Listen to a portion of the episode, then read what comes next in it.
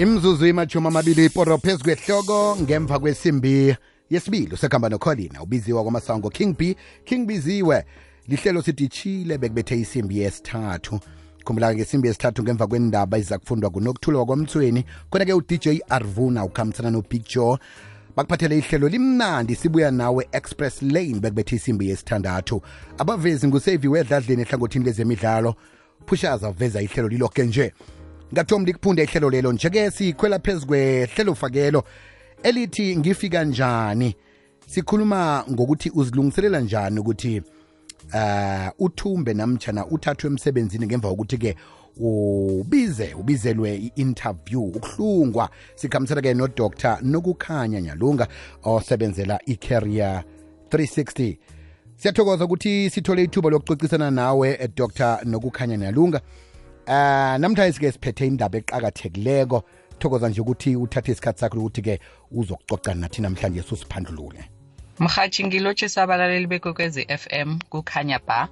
eh ngunokukhanya wakanyalunga iveke ephelileko khe sakhuluma ngama-cv writing skills ukuthi nawubhala i-cv wenza njani ufaka ini awufaki ini izinto ezizokwenza umlaleli nofana umuntu o-aplaya for umberego ukuthi achubekele phambili i-cv yakhe ikhone ukuthi ikhethwe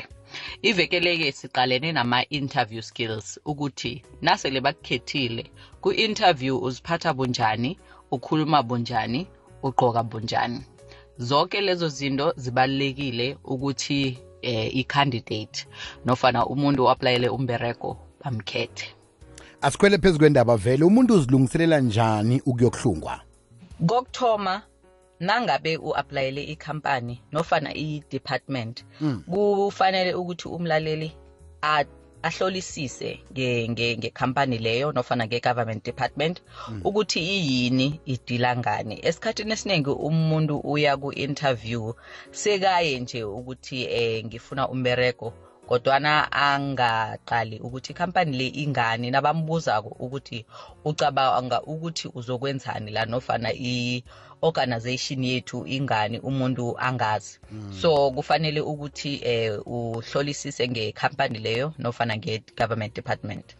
ufike eh kusese eli ku-interview eh nangabe uyazi ukuthi indawo ekude zama bonyana ufike eli ukuthi eh nangabe kukhona izinto endleleni ezenzekako eh ukhone ukuthi uzokufika early mm, ayikho mm. into embi njengokufika lada kwi-interview kusho ukuthi bayabona ukuthi okay nanoma simcatshile umuntu lo uzokuvele afike late uh -huh. eh upractice ke before ufika ku-interview eh, ube ne-confidence ukhona ukuzithemba uphendule ama-questions akho imibuzo eh, nge-confidence ukuthi okay ngiyayazi into engiyizele la mm -hmm. okunye eh, na for ufika ku-interview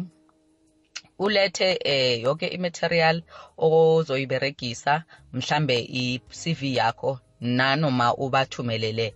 phatha ikhophi eh ungabuza imibuzo eh uphathe into yokubhala mm. eh kwesinye isikhathi eh ukhona ukuthi nixoxisane ngoba kuhle kuhle i-interview kuxoxisana eh kukhulumisana eh hlangana nomuntu ebazomqatsha nabaqatshi bakho mhm. okunye okubalekile kufanele ukuthi ugcoke kuhle ungagcoki ngathi mhlambe eh uya ephathini nofana mhlambe ugcoke okungakafaneli you are overdressing eh ngathi uye emtchadweni awa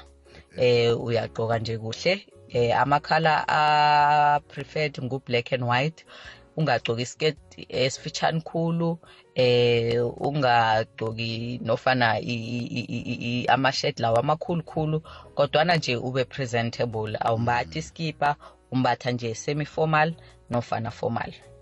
dr nokukhanya ngiyazi ukuthi kunemibuzo vane basibuze yona eh imibuzo le isibethe ngengiphi nje imibuzo esikhathini esiningi ebuzwako ama-common questions abuzwa khulu eh bese thina siyabhalelwa ukuthi siwaphendule mhlambe kesinye isikhathi engiwenza ukuthi singathumbi ama-interviews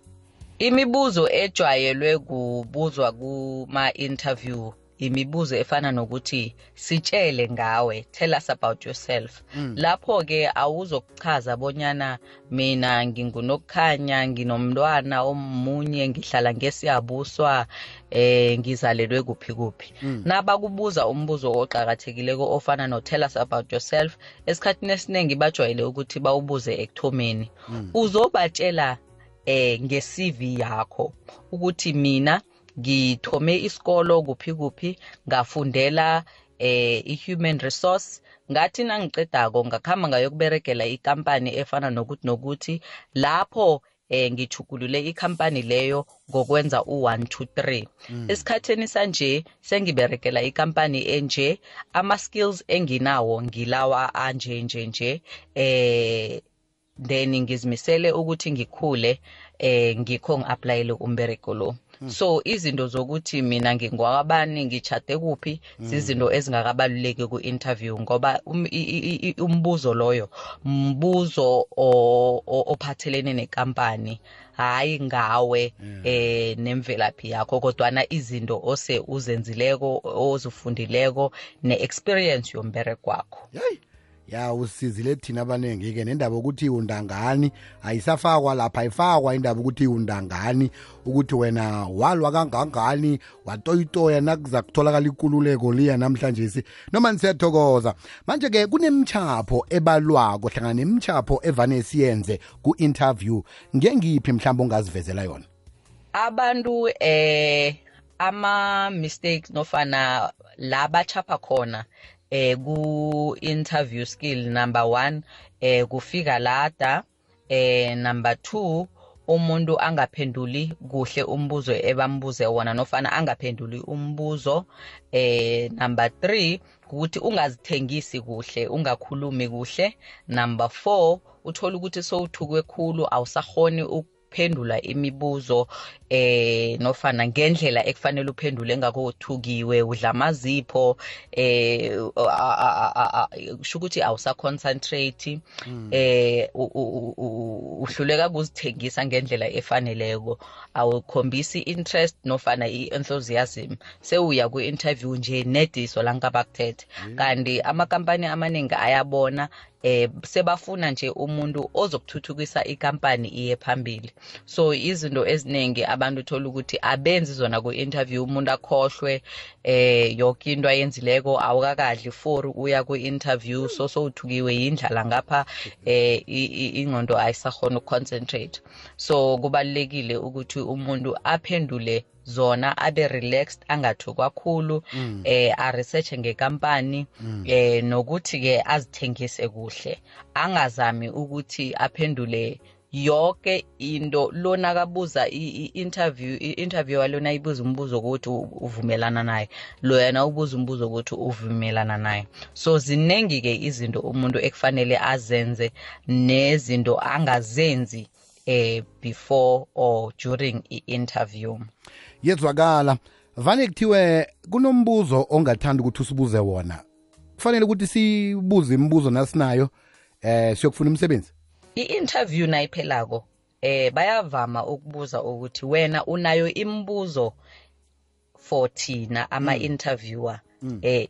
esikhathini esiningi abantu bathi awa anginambuzo lokho-ke eh kufanele ukuthi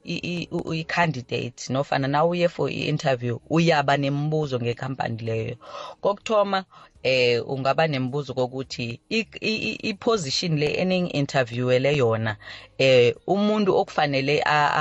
ayenze kuhle mumuntu onjani mm. okwesibili ungabuza imibuzo efana nokuthi ngimaphi ama-challenges ahlangabezana i-company le ehlangabezana nawo eh futhi eh, nicabanga ukuthi angaso singawasolva njani mm. okhunye ke ukuthi ungabuza ukuthi ama-opportunities akhona kule company nofana i-position ngimaphi so ikhona imibuzo ekufanele umuntu or i-candidate oya for i-interview ayibuze naye ekugcineni ingaba mbili ingaba mthathu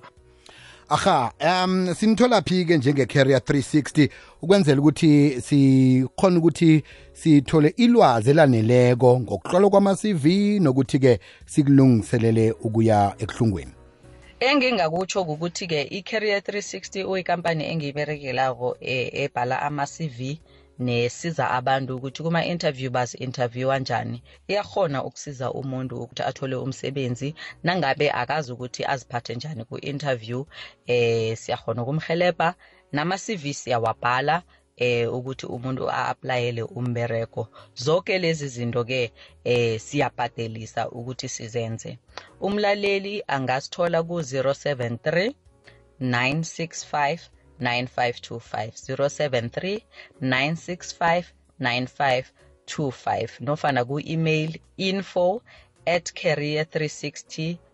www.co.za. KuFacebook ngiyatholakala nguNokukhanya Ayanda Nyalunga. Umuntu angakghona ukusizakala bonyana eh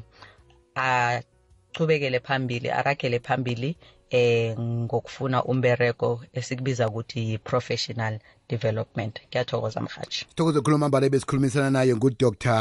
uh, nokukhanya nyalunga nje-ke siyalapha eh women lendaba esakuzokana ngo-3 o'clock rawubona kumnyama khulu kuzokuvela umkhanyo ikwekwezi